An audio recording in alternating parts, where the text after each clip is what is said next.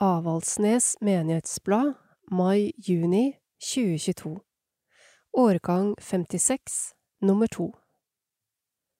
Om bladet. Redaksjonen Arnold Hjelmås 93 45 46 48 Lars Tore Anna 95 14 43 48 Kåre Wold 95 75 87 84 Gunn Innbjo Gjerde 40 49 37 17 Side 9 til 11 Innhold og layout Johanna Gismervik Postadresse Menighetsblad for Avaldsnes Postboks 29 42 99 Avaldsnes. E-postadresse arnold.hjelmas at gmail.com Økonomi. Menighetskontoret. Bankgiro. 3361 24 42 16 4 Vips nummer. 73 53 20 Forsidebilde. Hanne Andreassen Hjelmås fra Misjonssøndagen 1. mai. Neste nummer av Menighetsbladet, blad nummer 3, 2022 Redaksjonsmøte 15. juni 2022 Siste frist for stoff 10. august 2022 Blad ut ca. 1. september Karmøy Trykkeri Andakt Av Wenche Lintner Livet blir til mens vi går. Gjennom opptur og nedtur kommer vi oss nærmere hjem. Et sted vi finner fred og ro i. Et steg om gangen. Midt i vår verden der krig og pandemi skjer, insisterer både vi og de som har levd før oss, på et hellig håp. Når vinteren glir over i vår, gir naturen oss grunn til å kjenne at håpet er en trassig, trofast følgesvenn i hele Guds skapte verden. Vi deltar alle i den store pilegrimsvandringen, på ulikt vis. Pilegrimsreisen sies å være universell.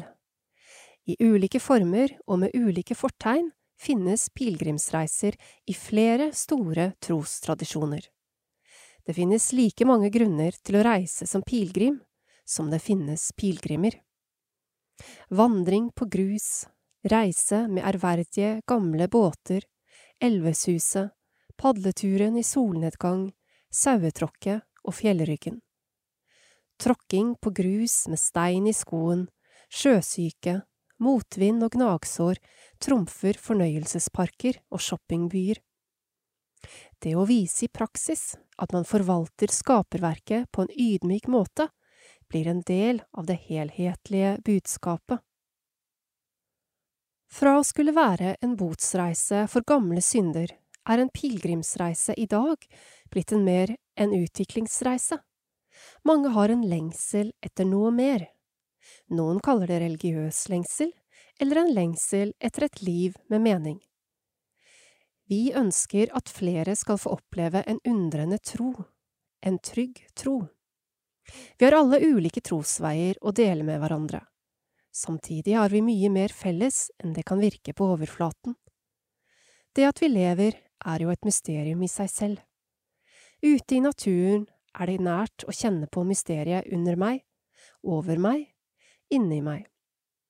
Livet selv kan oppleves som en gudstjeneste. Samholdet mellom menneskene en treffer på reisen, er i mange tilfeller unikt, og de flotte naturopplevelsene er noe man tar med seg for resten av livet. De beskriver en reise tilbake i tid, men også framover i tid, til det uendelige og hellige. En pilegrimsreise er både en ytre og en indre reise. Den ytre reisen er den mest synlige, men det er kanskje den indre som er den viktigste. Underveis skjer det alltid ting som ikke var planlagt, og dette kan vi lære av.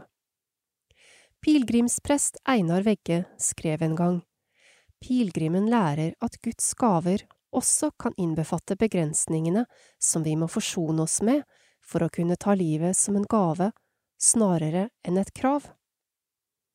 Lykke til og god reise. Wenche Lintner, pilegrimskoordinator i Karmøy kommune. Givertjenesten minner om bidrag til givertjenesten.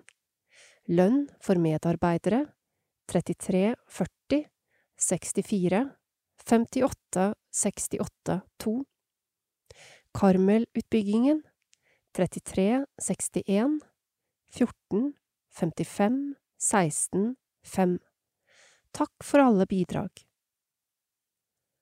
Hva får du i nattverden? Av Lars Tore Anna Hva er nattverd? Hvem er nattverden for? Er det noen som er mer verdig til å gå til nattverd enn andre? Er det ok å sitte i benken når andre går til nattvær? Det enkleste svaret på spørsmålet om hva nattvær er, er dette. Det er å ta imot Jesus. Kvelden før han ble korsfestet, var Jesus sammen med sine disipler. De spiste påskemåltidet sammen. Måltidet til minne om utfrielsen fra Egypt. Det var under det måltidet Jesus startet tradisjonen med nattverden. Han tok et brød, takket, brøt det og sa, Ta imot og spis, dette er min kropp. Og han tok et beger, takket, ga dem og sa, Drikk alle av det, for dette er mitt blod som blir utøst for mange så syndene blir tilgitt. Når vi feirer nattverden på Karmelgudstjenesten, synger vi alltid sangen Ta imot. Den handler om Jesu kjærlighet, om tilgivelse og nåde. Det vi mennesker behøver, det Jesus kan gi oss. Vi tar imot Jesus når vi kommer med åpne hender og tar imot brødet og vinen. Nattverden er for alle som vil slippe Jesus inn i livet sitt. Du blir en del av han, og han blir en del av deg. Det er den dypeste hemmeligheten med nattverden. Jeg og Jesus blir ett. Hvis det handlet om verdighet, så kunne jeg nok ikke gå. Vi er alle mennesker som gjør feil, og det er ikke alltid at jeg føler meg verdig.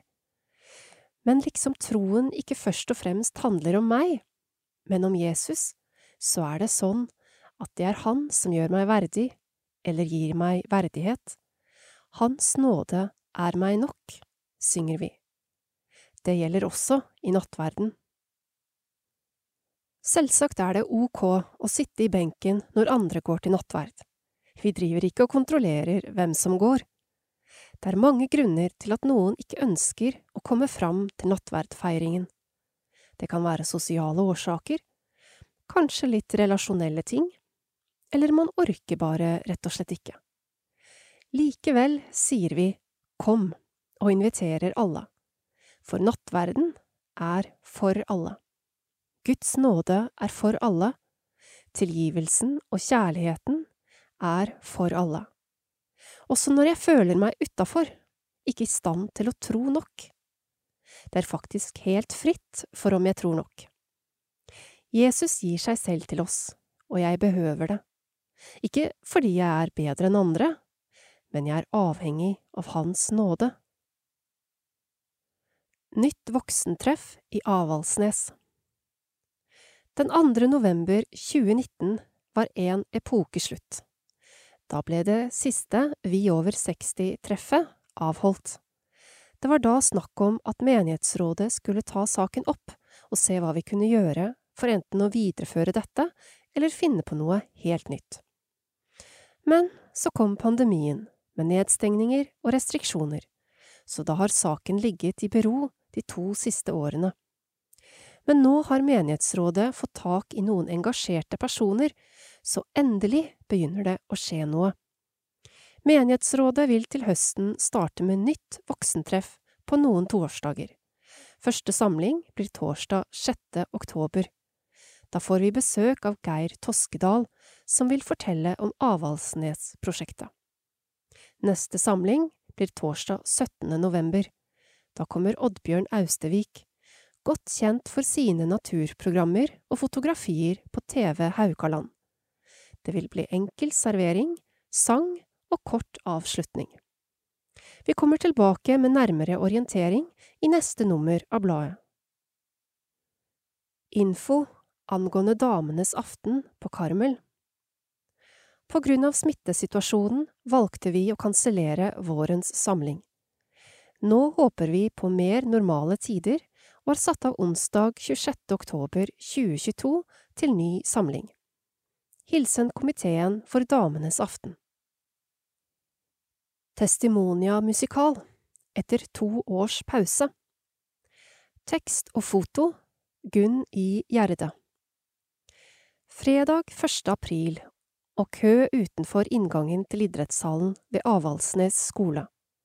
Hva skjer? Det er tid for musikal. Endelig. Etter en periode med intens øving av sanger, dans, drama og musikk skal Testimonia og Vitnes på scenen med årets musikal. Tilgi meg. Publikum ble tatt med tilbake til bibelhistoriens Josef og brødrene hans, spillegleden hos kormedlemmene og musikerne, sammen med gode kostymer og rekvisitter.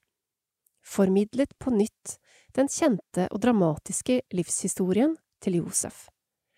Klapp for alle dem som sto på scenen gjennom tre forestillinger og med stort engasjement formidlet denne historien. Takk også til alle de som har ansvar for musikk, lyd, lys og foreldre som hjelper til med alt som skal organiseres. Takk til Johanna, som har kreativitet og energi til å gjennomføre et slikt prosjekt. Lykke til med forberedelsene av neste års musikal. Roså Rosa til Johanna det er ikke vanlig å gi rosa til en som arbeider i menigheten, men denne gangen gjør vi et unntak. Hun slutter jo aldri likevel, så kan jo bare få den, var det en som sa. Johanna har vært i Avaldsnes menighet i 18 år. Det er lenge, men absolutt ikke for lenge. Vi setter pris på ditt engasjement, Johanna, og gleder oss til fortsettelsen. Barnegospel, Witness, testimonia og musikal. Karmelgudstjenesten og så mye, mye mer. Lars Tore. Inntrykk fra Kenya av Jonola Utvik.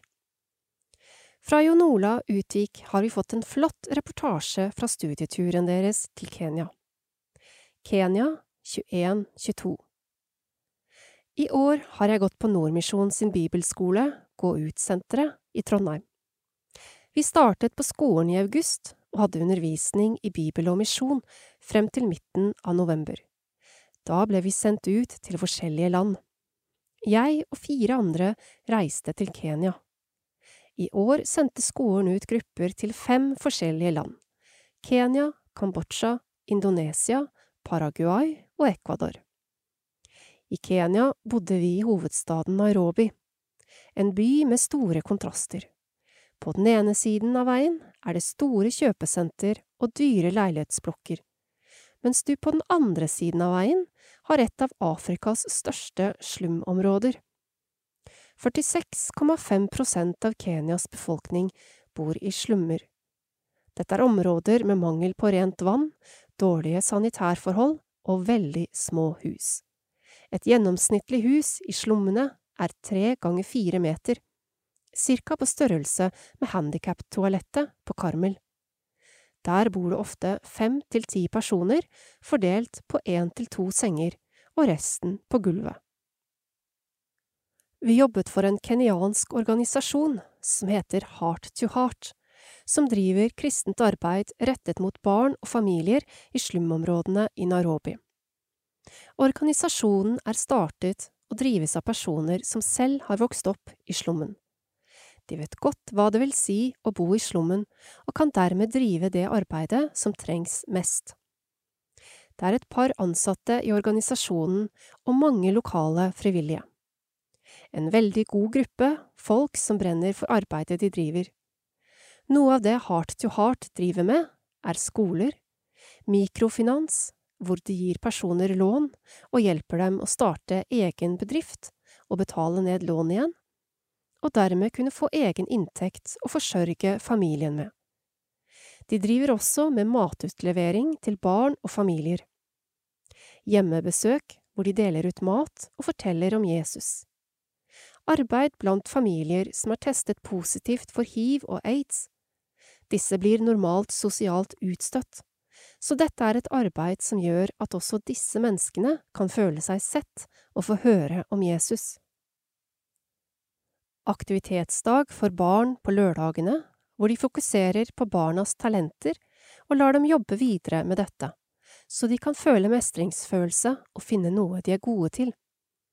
De ser om barna er interessert i for eksempel dans, musikk, fotball eller å spille sjakk, og lar dem drive med dette. I desember er det lang skoleferie. Dette betyr at barna går lenge uten å få mat på skolen. De fattigste får ikke råd til nok mat i denne tiden. Derfor gir Heart to Heart ut mat som holder én til to uker, til ca 2500 familier i slummene. I Kenya har jeg virkelig fått lov å ha en meningsfull hverdag. En normal uke besto av to dager på skole, én dag på hjemmebesøk og én aktivitetsdag for barna. Veldig mange av barna vi jobbet med, kom fra noen av de fattigste familiene i slummene, og har et stort behov for å bli sett og få den omsorgen de burde fått hjemmefra. Derfor var det bare det å leke med barna og få lov å vise dem omsorg, og veldig betydningsfullt. Ellers fikk vi blant annet undervise i kristendom på skolen. Der fikk vi lov å lære dem om Bibelen og at Jesus elsker dem. Vi var også på besøk på flere barnehjem og var en uke på evangeliseringstur ute på bygda. Dette var også veldig meningsfullt og givende å være med på. Noe av det jeg sitter mest igjen med fra oppholdet i Kenya, er at Gud bruker alle. Vi har truffet på så mange ulike folk som arbeider med alt dette forskjellige arbeidet, og alle er like nødvendige. Noen taler, noen lager mat, noen steller i stand det praktiske, noen samler inn penger for at arbeidet kan gjennomføres, noen gir penger, og noen ber. Dette kan vi lese om i Romerne 12, 4–8. Så for at misjonsarbeidet i Kenya og andre plasser i verden skal kunne gjennomføres, trengs det mer enn folk som reiser ut. Også vi som er her i Norge, er nødvendige. Vi kan gi penger slik at de kan nå ut til flere, be for arbeidet og de som jobber med det, og fortelle om arbeidet og oppfordre andre til å gi. Alt dette er like viktig. Vi er forskjellige deler av Kristi kropp, og alle våre oppgaver er nødvendige for at evangeliet skal kunne forkynnes, og at nye skal komme til tro. Fotnoter fra Orgelgalleriet av Arnfinn Tobiassen Siden forrige utgave av Menighetsbladet har både gitarist Alf Wilhelm Lundberg, messingblåserne fra Universitetet i Stavanger, cellist Åge Kvalbein med venner, korister fra Karmøy guttekor og Skrukk hatt konsert i Avaldsnes kirke.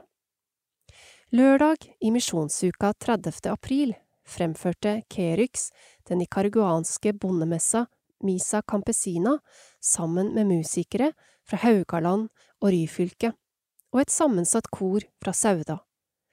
Verket ble gjentatt søndag kveld på 1. mai-gudstjenesten i Saudasjøen kapell, der prostiprest Magnhild Hellberg forretta Å endelig få gjennomføre slike større verk, når vi har øvd sammen på det i ett års tid, oppleves fantastisk, og spesielt når antallet kormedlemmer dobles. Karmøy guttekor hadde vårkonsert 10. mai, og også her begynner vi å merke at guttene har sunget sammen i to år. De synger nå overstemmer sammen med menighetens melodistemmer, og har virkelig skjønt hva høytid er og hvordan vi ter oss i kirkerommet.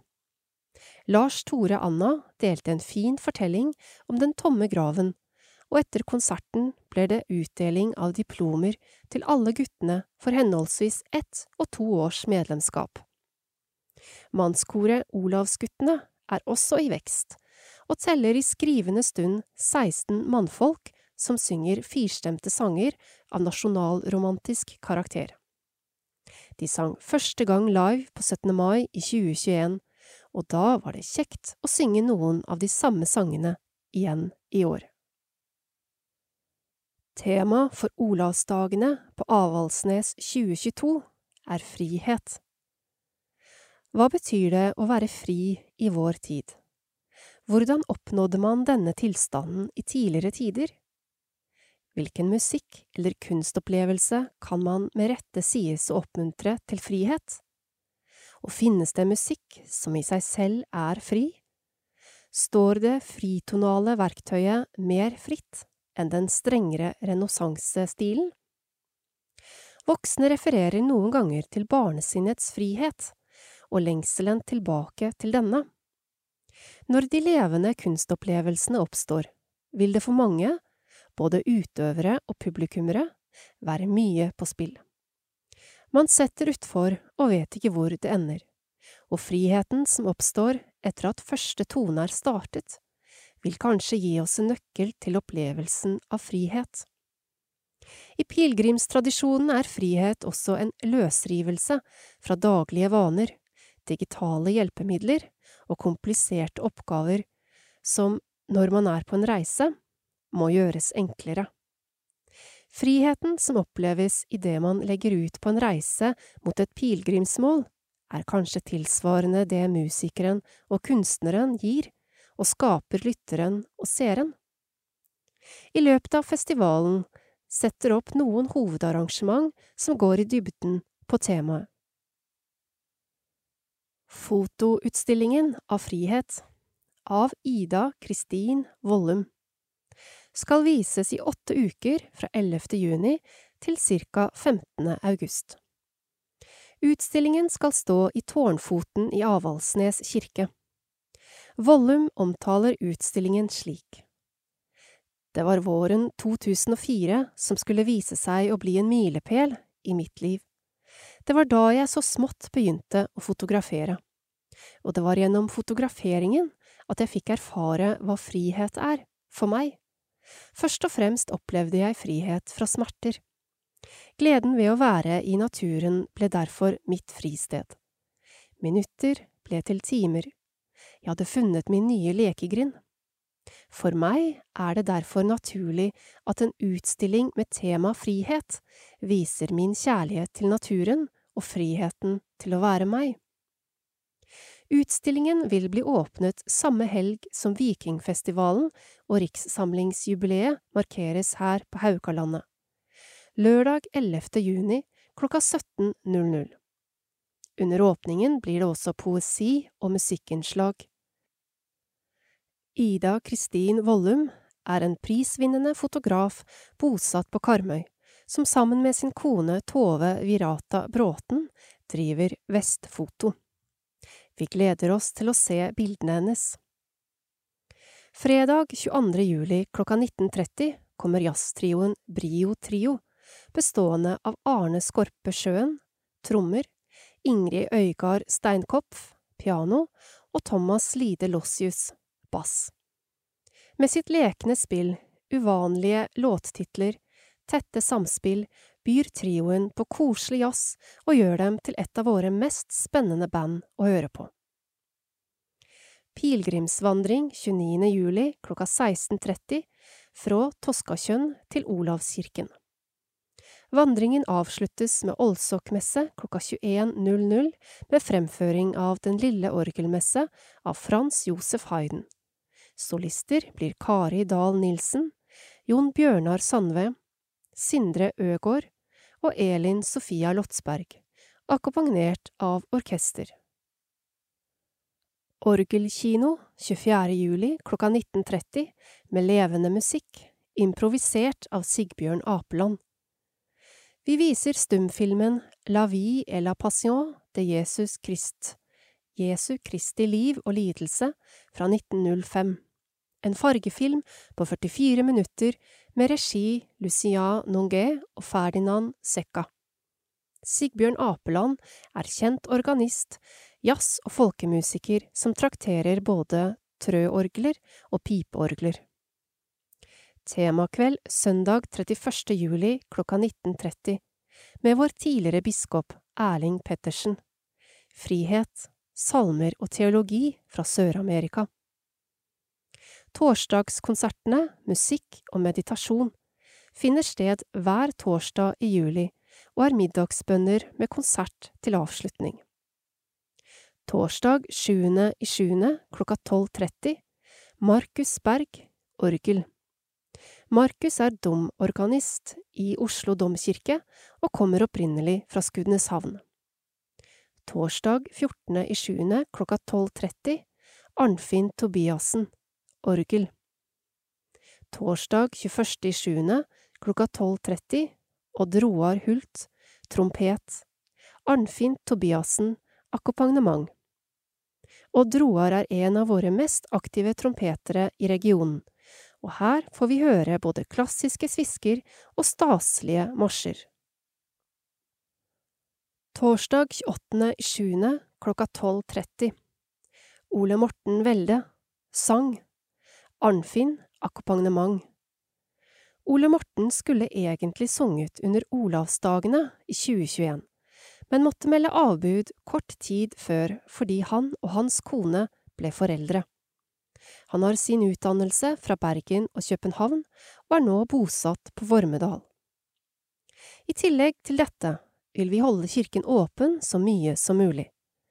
Dersom vi får nok frivillige, satser vi på at kirken er åpen i juli tirsdager fra 13.00 til 18.00 og torsdager mellom 12 til 15.30. Nordvegen historiesenter har guide i kirken hele sommerferien, mandager og tirsdager mellom 13.00 og 15.30. Flott misjonsinnsats av store og små. Vår i misjonens tegn. Også denne våren har vært preget av et stort misjonsengasjement. Misjonsforeningene for NMS på Avaldsnes og Håvik har gjort en flott innsats for å sette misjon på dagsorden. Torsdag 28. april arrangerte de misjonsfest på Karmel. Der hadde de fått Helge S. Gaard, som jo er generalsekretær for Det norske misjonsselskap, både til å holde andakt og til å informere om arbeidet i organisasjonen. Sigrid hadde fått fire blad av familien Ytreland til å synge sammen, visstnok for første gang, mens Sissel Ansnes akkompagnerte fellessangene. Til slutt ble det servert varierte salatretter laget av medlemmer i foreningen. Søndag 1. mai var det så misjonsaktiviteter for både store og små. Først var det gudstjeneste på Karmel med offer til inntekt for NMS arbeid i Thailand, der Anne Storstein Haug er kontaktperson. Det var forresten hilsen fra henne på video, både på gudstjenesten her og på misjonsfesten torsdagen før. Etter gudstjenesten var det så misjonstivoli, med både grilling, misjonsløp og ulike aktiviteter. Det viktigste var kanskje misjonsløpet, der deltakerne hadde avtalt med sponsorer, foreldre, besteforeldre og lignende, om hvor mye de ville sponse hver runde rundt fotballbanen. Noen av de yngste løp nok enda mer enn sponsorene hadde regnet med. I alle fall kom det inn en god slump penger her. Alt i alt kom det inn i overkant av 70 000 kroner, som utvilsomt vil komme godt med i det videre arbeidet. Årets konfirmanter i Avaldsnes. Foto Geir Magne Fossmark. Fjerde rad fra venstre. Benjamin Eitreim Haraldseid Sander Østenstad Bergjord Sebastian Aslaksen Tveiten. Torstein Hagen Hjelmås. Krisander Solheim Stange Emil Kvalevåg Elias Koløy Konnesa Sindre Hauge Skeie, Fredrik Welde Osmundsen, Mats Knutsen Jordal.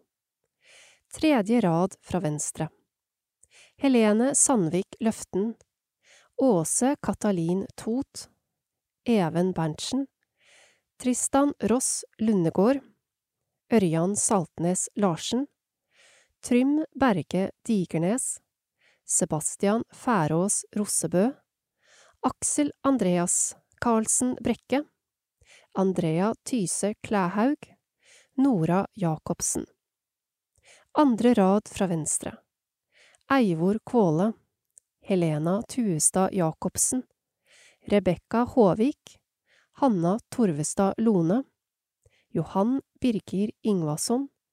Leonard Monsen Ørpetvedt. Ingrid Elise Skeie.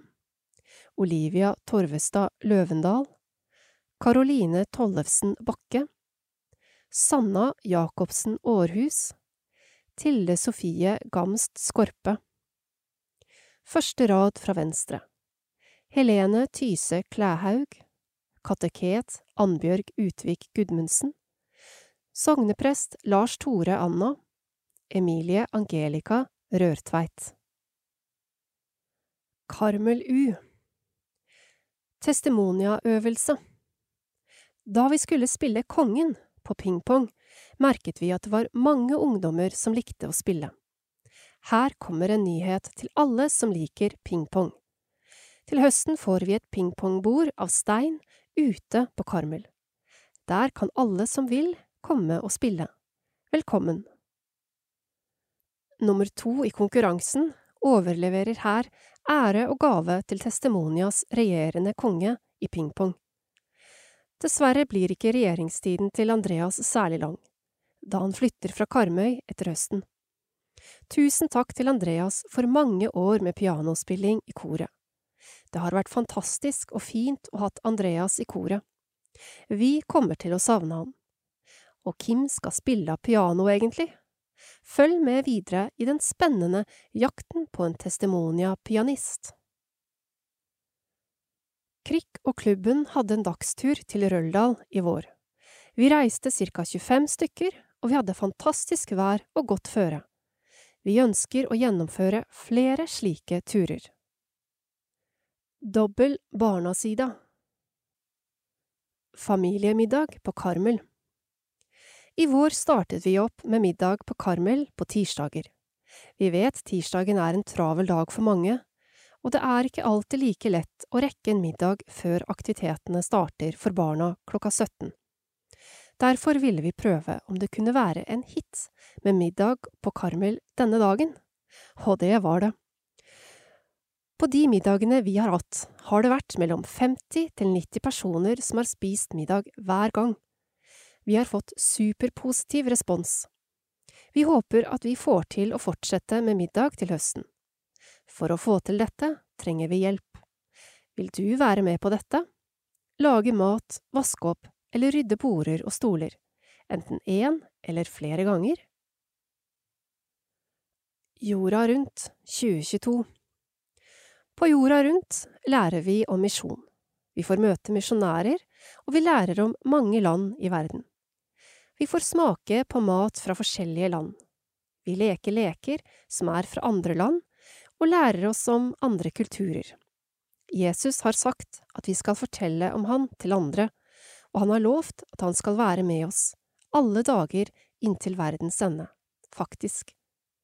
Det er mange dager, det. Pop-up, femte til sjuende klasse Pop-up er noe gøy for alle som går i femte, sjette eller sjuende klasse. Vi har hatt mange kjekke pop-ups i 2021–2022, og vi har én igjen før sommeren. Da skal vi grille, kjøre tube og spise is. Meld deg på, det blir en perfekt og fantastisk bra start på sommerferien. Tusen takk til de fantastiske, inspirerte og flinke voksne på pop-up. Kom, bli med på søndagsskolen vår. Slik ble mitt liv. Matt Lande Menighetsbladet startet en ny serie forrige gang, der vi intervjuer fortrinnsvis eldre personer om hvordan livet deres har artet seg. Hva har de opplevd av godt og vondt? Hva har gått som planlagt, og hva har forandret livet underveis? Denne gangen er turen kommet til Matt Lande, møbelkongen på Haugalandet. Mathias Lande ble født 21. mars 1930 hjemme på farsgården på Lande.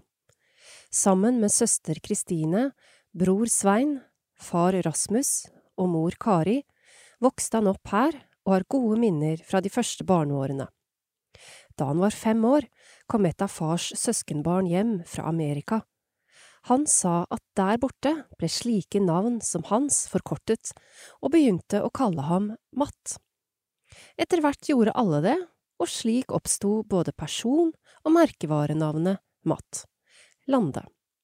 I dag er det knapt noen som vet hvem Mathias Lande er, men Matt Lande er kjent i hele distriktet. Det var gode barneår, men så, 14. april 1940, fem dager etter krigsutbruddet, rammet tragedien familien. Faren, Rasmus og noen kamerater skulle sykle på vennebesøk til fastlandssiden. De måtte ta Salhusferja og hadde avtalt at Rasmus skulle betale billetten, så de andre begynte å sykle med en gang de kom i land. Men Rasmus kom ikke etter. Han hadde satt seg ned og da de andre kom tilbake, fant de han død, helt uten forvarsel. Så måtte Kari sammen med barna drive gården alene, men de fikk god hjelp av slekt og venner, påpeker Matt. 1937 begynte skolehverdagen på Skeie skole, og Matts klasse var den første som fikk tatt det nye bygget, nå Bekjennelseskirken, i bruk. Som vanlig på den tiden var det lærerinne de tre første årene og lærer de fire neste. Da var det Nissestad han måtte forholde seg til. Det gikk stort sett greit, men Matt husker en gang han hadde glemt å lese leksa. Da måtte han møte opp dagen etter. Det gikk jo annenhver dag. Og si fram leksa si i den klassen som gikk ett trinn under. Det var ikke gøy. 1944 ble han konfirmert. Bare én dag tok han seg fri fra konfirmantundervisningen for å ta opp poteter. Akkurat den dagen ble konfirmantene tatt bilde av. Det fotografiet henger blant annet bak i tårnfoten i kirka. Vi ser konfirmantene og presten Skadberg foran den overbygde og kamuflerte kirken, men Matt Lande mangler på bildet. Det var dumt. Men på konfirmasjonsdagen ble han kjørt til kirken av broren Svein med hest og trille, stasvogn, og fra Utvik kom Svein med broren Christian i en tilsvarende. Det var nok litt stas. Forretningstalentet viste seg tidlig. Allerede i tolvårsalderen dyrket han egne påskeliljer og syklet til Haugesund for å selge dem på torget. Salget gikk litt tregt, men da han satte prisen ned til ni øre, gikk liljene unna. Han tok også opp poteter og kjørte med hest og kjerre til Visnes og fikk solgt dem der. Litt senere gikk turen til Haugesund med både poteter og gulrøtter, for så å få med revefôr hjem. De hadde en liten revefarm på den tiden. Året 1947–48 gikk han på Framnes folkehøgskole i Nordheimsund, og året etter som 18-åring begynte han hos møbelforretningen Krohn Haaland i Haugesund. Dette ble innfallsporten til karrieren i møbelbransjen, og her var Matt i 15 år, bare avbrutt av militærtjeneste 1950–51. I militæret var det først rekruttskole på Trandum, før de ble overført til Forus ved Stavanger. Men dimitteringen lot vente på seg. Et nytt kull kom inn, og Matts avdeling ble innkvartert på en skole. Men så kom hærsjefen og fortalte at det egentlig hadde vært planer om at de skulle sendes til Korea, men at disse planene var avlyst, så nå kunne de endelig reise hjem. Han fortsatte hos Krohn Haaland og tok halvårig handelsskole i 1955. I tillegg fikk han kjøpt den gården på Vårå der de fremdeles bor. Det var onkelen Olaf Østegård som hadde kjøpt den litt tidligere, med tanker om at Matt skulle få overta den. I 1955, mens han ennå var hos Krohn Haaland, møtte han Sissel Meling. De ble gift i 1959 og slo seg ned på Vårå. egen møbelforretning. Matt tenkte i flere år på at det hadde vært fint å starte med en egen møbelforretning, men anledningen lot vente på seg. I 1963 fikk han imidlertid en mulighet i Kopervik, og slo til. Men lokalene var små, og det var trangt. Da ominnredet han Løa på Vårå og begynte med møbelutstilling her. Litt etter bygde de på og flyttet hele forretningen hit. Nå begynte det virkelig å ta av. Matt og ni andre av landets største møbelsentre var medlemmer av Europamøbler, som senere ble ID-kjeden. Disse ti møbelhandlerne dannet Cash and Carry-butikkene Den røde elefant. De opprettet hvert sitt område, og Matt Lande fikk enesalget mellom Bergen og Stavanger. Nå ble forretningen på Vårå for liten, men så i 1983 fikk de kjøpt en eiendom på Nygård, og her ble Røde Elefant-bygget til. Forretningen ble flyttet hit, og lokalene på Vårå ble leid ut, blant annet til Radio 102. Men til tross for suksessen på møbelsektoren, var det også tunge ting å forholde seg til. Kona, Sissel, fikk kreft og døde i 1982, og Matt ble alene sammen med de tre barna, som riktignok var store nå, men likevel, savnet etter en kone og mor var stort. Etter fem års alenetilværelse fikk han nærmere kontakt med Kirsten Nordbø, som allerede hadde jobbet på butikken på Vårå i flere år.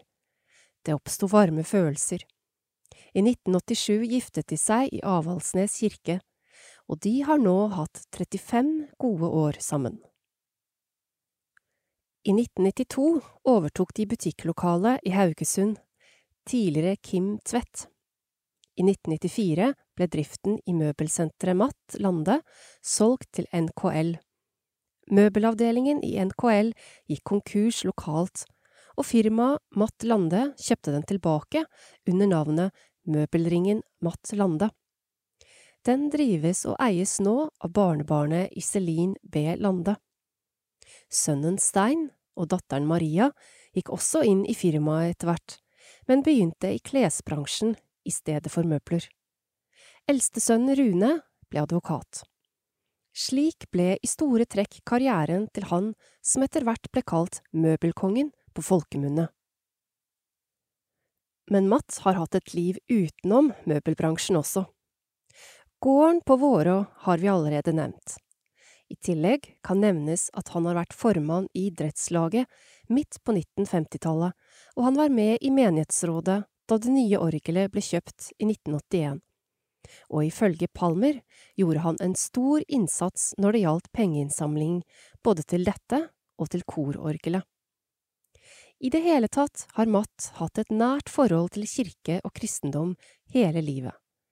Han nevner at i barndomshjemmet fikk de ikke gå ut etter middagen på søndagene før mor hadde lest dagens andakt fra Hopes andaktsbok, selv om venner sto utenfor og ventet. Og troen på Jesus har vært viktig gjennom hele livet. Nå nyter Matt og Kirsten pensjonisttilværelsen sammen. Vinteren tilbringer de i leiligheten sin i leilighetskomplekset Solsiden ved Karmsundet, men om våren og sommeren må de være i huset sitt på Vårå. De må få se på alt som spirer og gror, og de har et stort veksthus der de dyrker både blomster, agurk, tomater og druer med mer. Når man er 92 år, er det ikke så godt å legge store planer for fremtiden, men på spørsmål om hva han ønsker framover, sier han at det hadde vært kjekt å få enda noen år, for å se hvordan det går med de åtte barnebarna og de to oldebarna.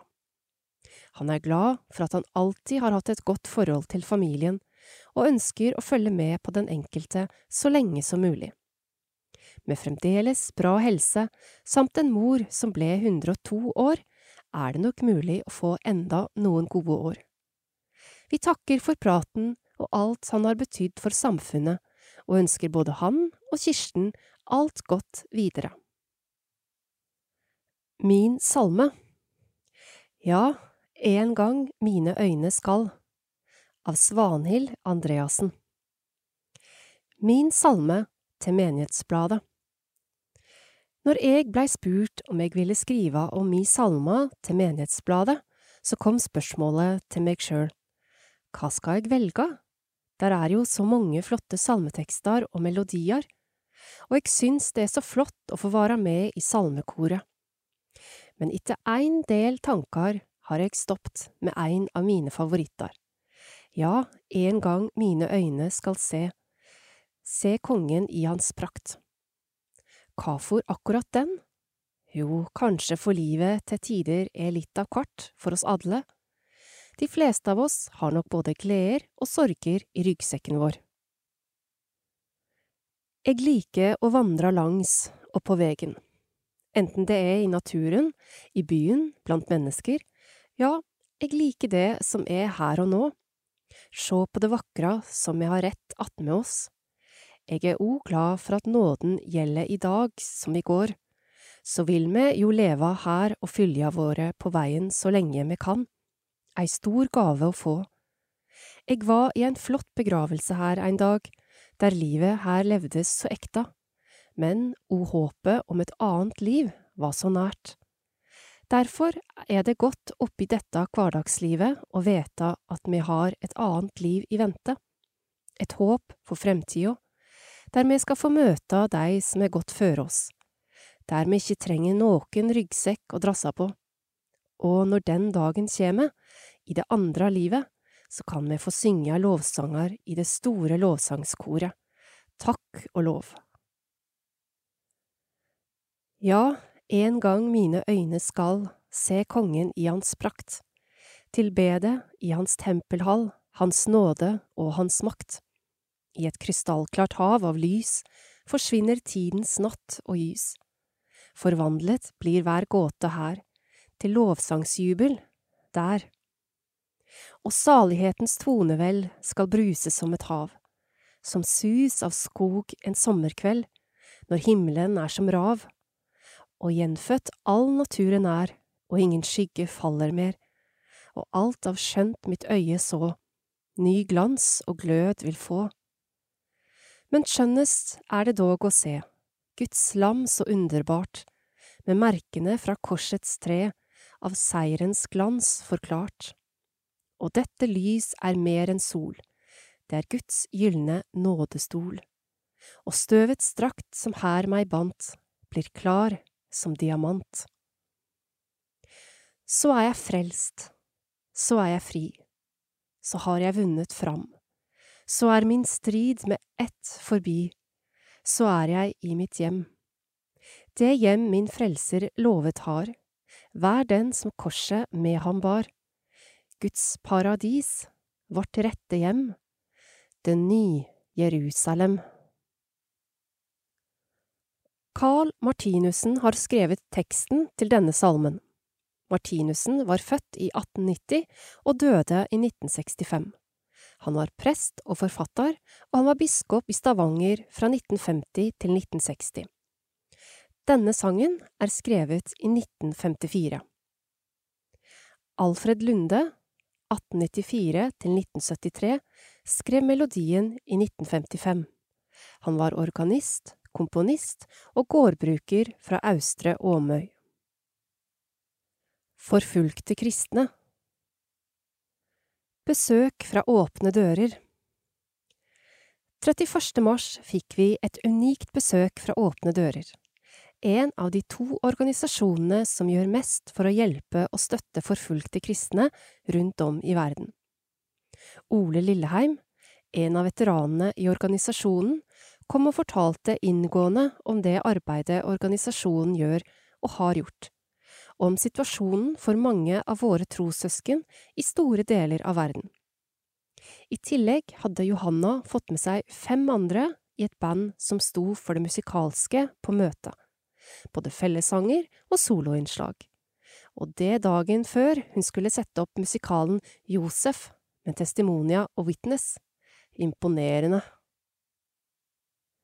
Nord-Korea Menighet avslørt vi fortsetter våre artikler om forfulgte kristne, og gjengir her en reportasje fra Nord-Korea, et av de aller farligste land å være kristen i. Som vanlig var de samlet til gudstjeneste i dypeste hemmelighet. Uten forvarsel dukker plutselig sikkerhetstjenesten opp, trenger seg inn på møtet og arresterer alle de tilstedeværende. Deretter blir samtlige, flere titalls mennesker, henrettet. I kjølvannet av henrettelsene blir minst hundre familiemedlemmer av de drepte anholdt og sendt i fangeleir. Å straffe de skyldiges familie på denne måten er en metode nordkoreanske myndigheter bruker for å spre frykt og for å holde all opposisjon nede. Hver gang kristne i Nord-Korea kommer sammen, tar de en stor sjanse, og det er de klar over. Alt de gjør må skje i det skjulte. Blir de oppdaget, vil de bli drept eller sperret inne i fangeleir på ubestemt tid. Paulus sine ord om at å leve er for meg Kristus, og å dø er en vinning, Filipperne 1, 21, kan for oss være en fin tanke og et godt bibelvers til en andakt. For våre nordkoreanske medkristne er det blodig alvor. Kampen mot undergrunnskirken er intensivert. Vi kan verken røpe hvor dette skjedde, eller hvem som er kilden til vår informasjon men hendelsen inntraff i et område av landet hvor myndighetene har vært særlig på vakt mot kristen virksomhet. Vår kilde mener at informasjon om møtetidspunkt og sted på en eller annen måte må ha blitt lekket til myndighetene. De eneste som kan tilbes i Nord-Korea, er Kim-familien, og den kristne troen blir derfor sett på som en trussel mot regjeringen og Kim-dynastiet. At forfølgelsen den siste tiden har tatt seg opp, kan ha sammenheng med myndighetenes forsøk på å hindre sosial uro i kjølvannet av koronakrisen. Den antireaksjonære tankeloven, som ble vedtatt i slutten av 2020, har skjerpet kontrollen med informasjonsflyt som videoer og radiosendinger. Den nye loven har også gjort det enda vanskeligere for underjordiske kirkeledere og medlemmer å møtes for å tilbe sammen. Han fyller oss alle med glede og fred. Det forunderlige er at de kristne i Nord-Korea ikke gir opp å formidle det gode budskap om Frelseren, selv om de vet at det kan koste dem livet. Les dette utdraget fra et hemmelig brev som en av undergrunnslederne fikk smuglet ut av landet, og som viser en sterk tro som holder under vanskelige forhold. I Johannes 14, 27 står det skrevet, Fred etterlater jeg dere, min fred gir jeg dere, ikke den fred som verden gir. La ikke hjertet bli grepet av angst og motløshet. Hvor godt er det ikke at Gud vet, når vi vandrer i dødsskyggens dal, at når vi rammes av frykt, angst, bekymring og fortvilelse, så utøser Han sin ånd, slik at vi kan holde vår kropp, hjerte og ånd fylt med Hans glede og fred. Be for våre nordkoreanske søsken. Historier som dette er vanskelig å ta inn over seg. Likevel må vi aldri glemme at den beste hjelpen vi kan gi våre søsken, er å be for dem. Prestahjørna Frivillighetens år 2022 Året er forankret i regjeringens frivillighetsmelding, og det som skal feires, er Norges viktigste lagarbeid. Det foregår mye godt lagarbeid i Avaldsnes menighet. Mange frivillige som stiller opp i så mange sammenhenger. Det imponerte meg å se hvor mange frivillige som har oppgaver i menigheten vår. I første Peters brev to, fem til ni, snakkes det om å bruke sine nådegaver. Så tenker vi sånn at det er viktig at alle som er døpt inn i kirken, alle som er medlemmer, gis mulighet til å tjene med sine nådegaver. Å, det er skummelt, har jeg hørt noen si. Å snakke om nådegaver, altså. Ja, Kanskje det, men handler det om noe annet enn å kunne bidra med noe en er litt god på? Noe andre ser at du er flink til? Noe du trives med å gjøre? Folk er forskjellige, og det er oppgavene også. Noe er praktisk, andre ting handler om formidling og aktivt stå framme og lede. Det brukes mange fine ord når en snakker om å være frivillig, og ikke minst om å organisere og ta vare på frivilligheten i menighet og organisasjonsliv. Det er viktig, og vi må som menighet gjøre alt vi kan for å legge til rette for at det oppleves fint og meningsfullt å være frivillig i vår menighet. Det er en god opplevelse å gjøre ting sammen, enten det er noe praktisk arbeid eller en oppgave i gudstjenesten. Kanskje du kan tenke deg å være med på noe i barne- og ungdomsarbeidet? De ansatte gjør mye godt arbeid, men vi blir enda bedre om vi er flere. Så ta gjerne kontakt om du har lyst på en oppgave, eller fortell oss hvem vi kan utfordre. Vi behøver nemlig å utfordres til å spørre litt flere enn de som er oftest i kirka. Vi ønsker jo å anerkjenne og inkludere flere i vårt fellesskap. Takk for innsatsen du gjør i Avaldsnes kirke. Og har du lyst til å være med i arbeidet, så ta kontakt, eller kanskje du kan våge å svare ja om du blir utfordret på noe. Godhetsuka starter nå i uke 22, kommer tilbake i neste nummer med stoff herfra. Nydelig konsert med Kvalbein og co. Det har vært så mange konserter i det siste at det skal noe til å få med seg alt. Likevel må vi si at de som ikke fikk oppleve konserten med Åge Kvalbein og venner den 14. mai, gikk glipp av noe. Vennene var to unge damer, Maren Myhrvold, sang, og Marita Kjetland Rabben, piano. At Åge Kvalbein er både en veteran og en virtuos på cello, vet vi vel fra før, men de to damene var nye men overraskende dyktige bekjentskaper. Særlig imponerte Maren Myhrvold med en utrolig flott sopran, klokkeklar og velklingende.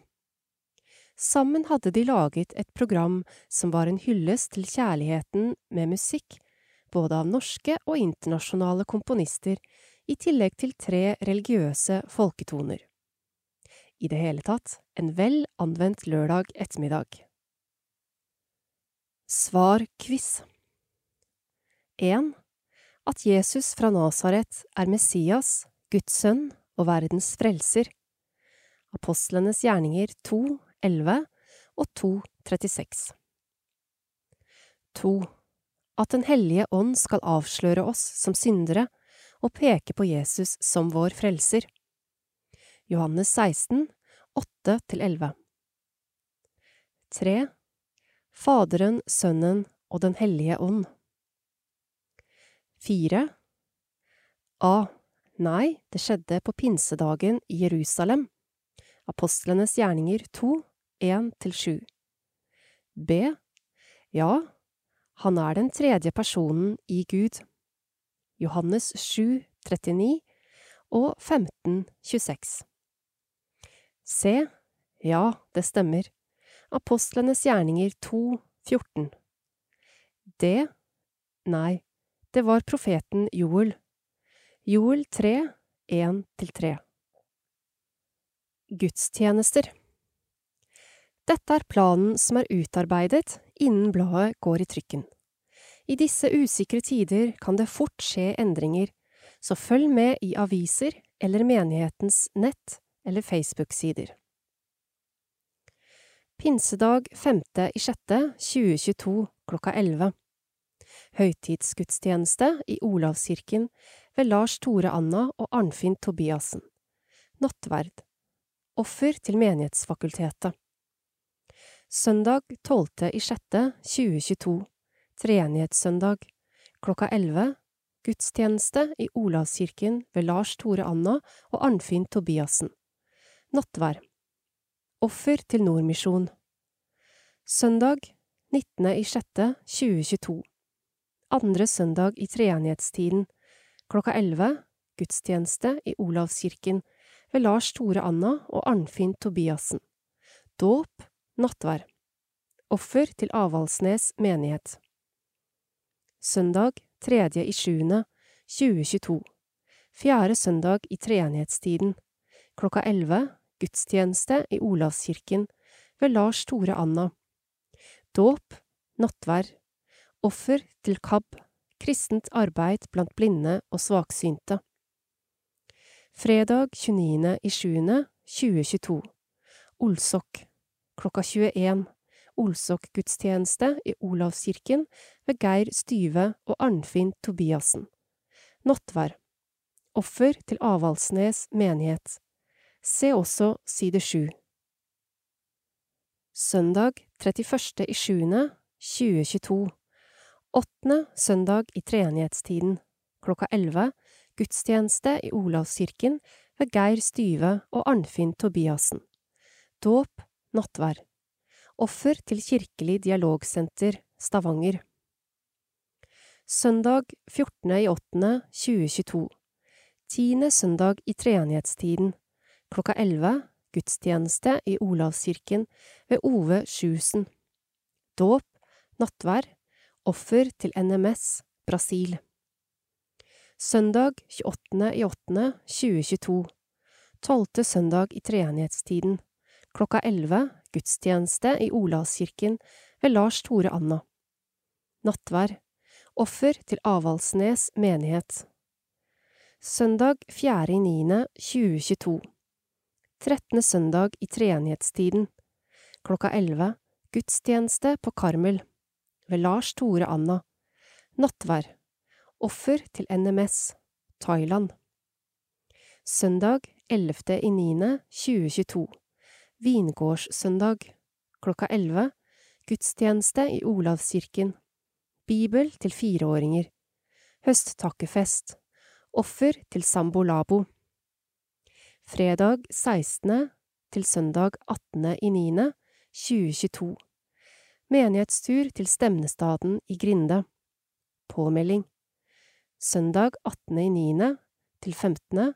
Søndag i treenighetstiden Klokka elleve åpen gudstjeneste på Stemnestaden ved Lars Tore Anna og band. Offer til givertjenesten i menigheten. Alle velkommen. Menighetstur til Grinde i september.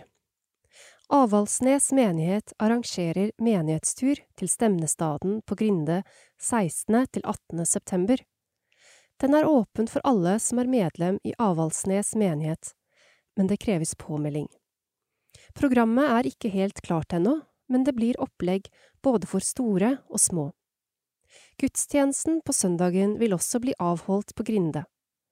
Maksprisen for en familie er satt til kroner 3999, så vil menigheten dekke eventuelt overskytende beløp. Vi kommer tilbake med mer informasjon i neste menighetsblad, før 1. september.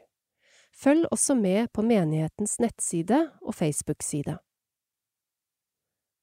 Torsdagsmøter Karmel Møtene for høsthalvåret 2022 Møtene begynner klokka 19.00.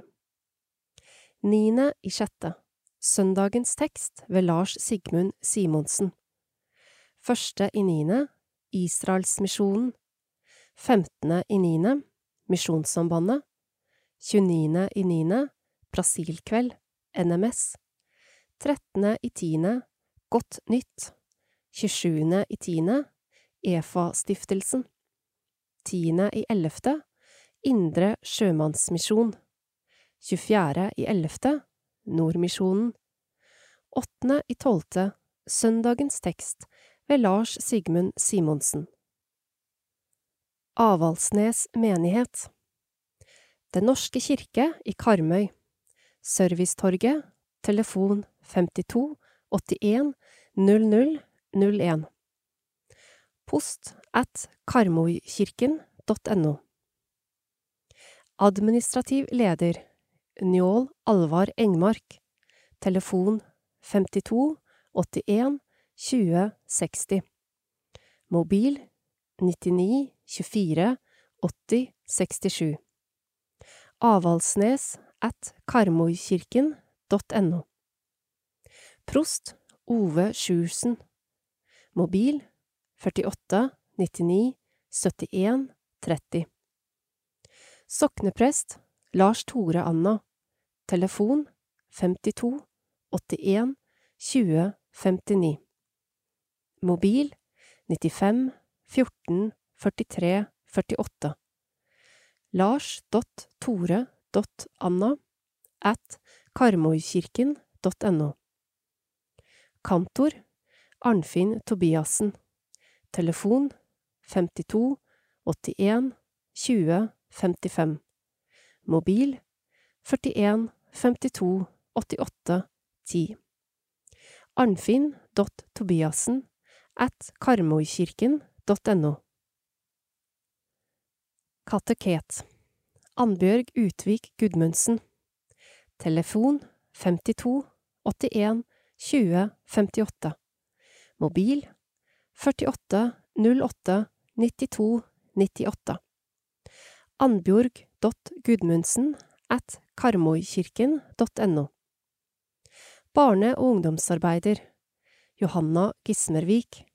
Telefon 52 81 20 53 Mobil 41 24 33 00 Johanna.gismervik at karmoikirken.no Trosopplærer Diakoniarbeider Ida Kvalevåg.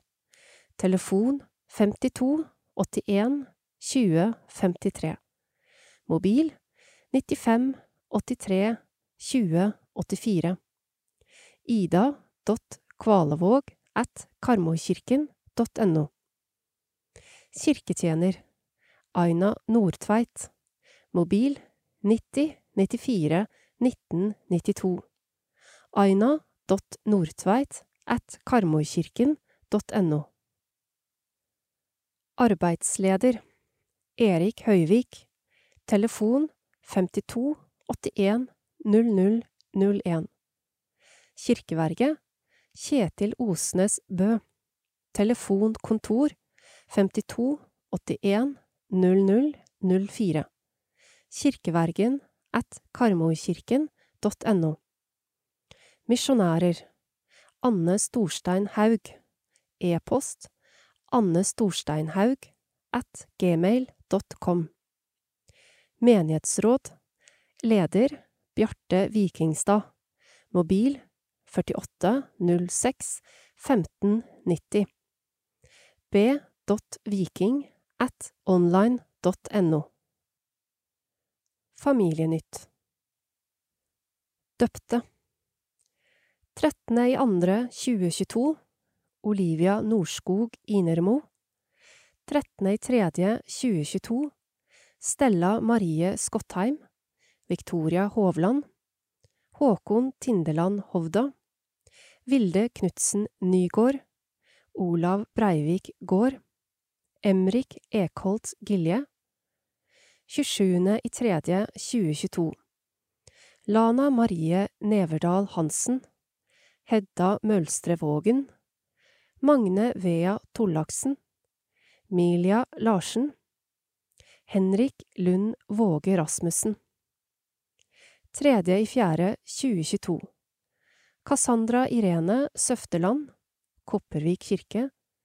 Tiende i fjerde 2022 Vilde Hausken Midthun Torvastad kirke. Syttende i fjerde 2022 Malie Fure Heimdal Noah Bull Tornø Ørjan Saltnes Larsen Simon Saltnes Larsen 24. i fjerde 2022 Frida Vakka Tronerud Vigde 12. i andre 2022 Sølvi Svendsen og Torgeir Johan Aasbø 16. i fjerde 2022 Silje Aselina Eriksen og Bjarne Lolk Madsen. Døde. 28. i første 2022 Margot Birkeland. Fjerde i andre 2022 Jon Andreas Skeie. 18. i andre 2022 Anders Helge Nilsen 25. i andre 2022 Sigvart Tveit. Rolf Magnus Myklebust 11. i 3. 2022 Marta Nes Skeie 18. i 3. 2022 Birgit Bråtun Ruth Vigdis Sørbø 25. i 3. 2022 Christian Utvik 30. i 3. 2022 Solfrid Johansson 20. i 4. 2022 Gunn-Marit Ørpetvedt 22. i 4. 2022 Sølvi Andrea Røen Bjørg Kjellaug Helgesen AIL Nytt Avaldsnes idrettslag Nye ledere i hovedstyret Disse skal lede Avaldsnes idrettslag det neste året. Arne Stoknes Hauge blir ny leder, mens Line Bratthammer blir ny nestleder. Begge personene med lang erfaring fra styreverv både i og utenfor klubben, og var med i HS fra før. Den nye HS-lederen er bosatt i Vistnes og kom til Karmøy for fem år siden. Han jobber som leder for Stena Recycling, som også er sponsor av klubben. Hauge har vært aktiv både som trener og leder i tre klubber i Stavanger, og har bred erfaring fra styrearbeid. Også Line Bratthammer har lang erfaring. Hun var i mange år leder av idrettsskolen i Avaldsnes, er nå leder av fotballstyret og har vært medlem i HS i mange år.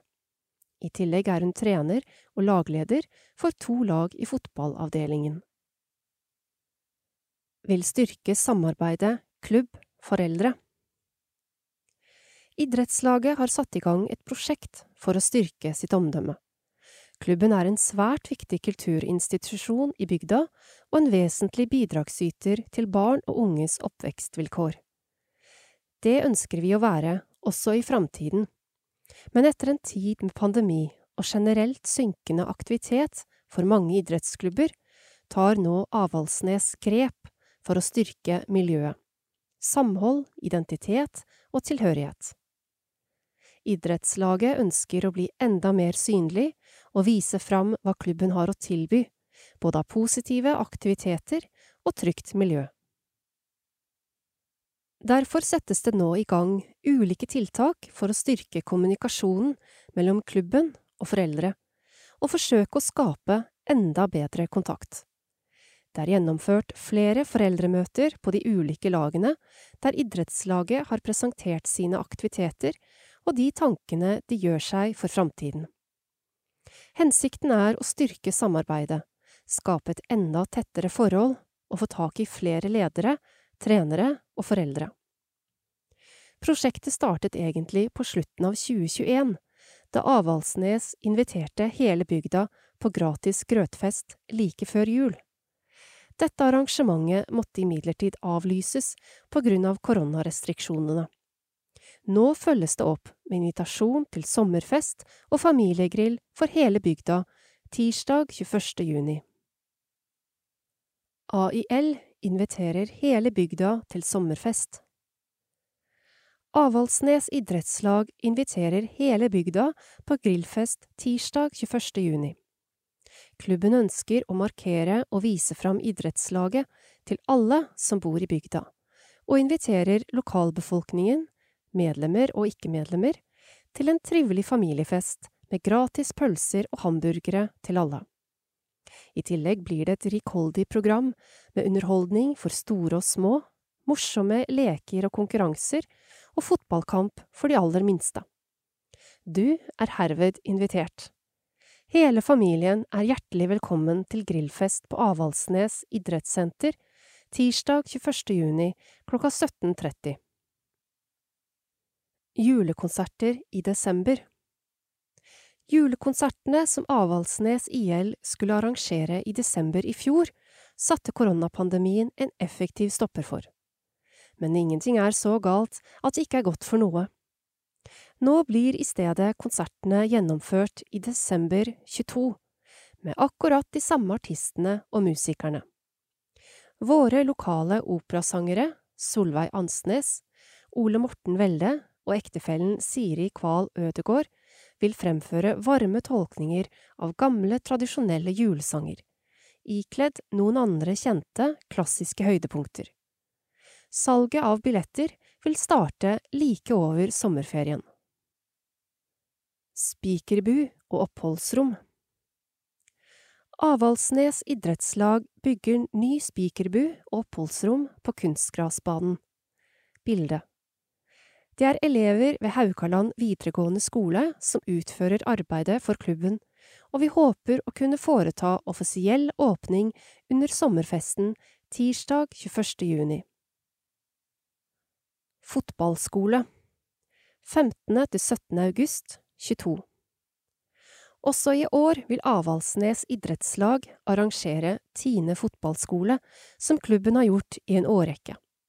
Som vanlig er fotballskolen lagt til den siste uka før skolestart, og blir i år fra mandag 15. august til onsdag 17. august. Skolestart er dagen etter torsdag 18. august. Påmeldingen til fotballskolen vil bli lagt ut like før sommerferien. Utannonsering Slutt på lydboka Innleser Merete Bø Skulle det være feil ved lydboka, kan du ta kontakt med KAB.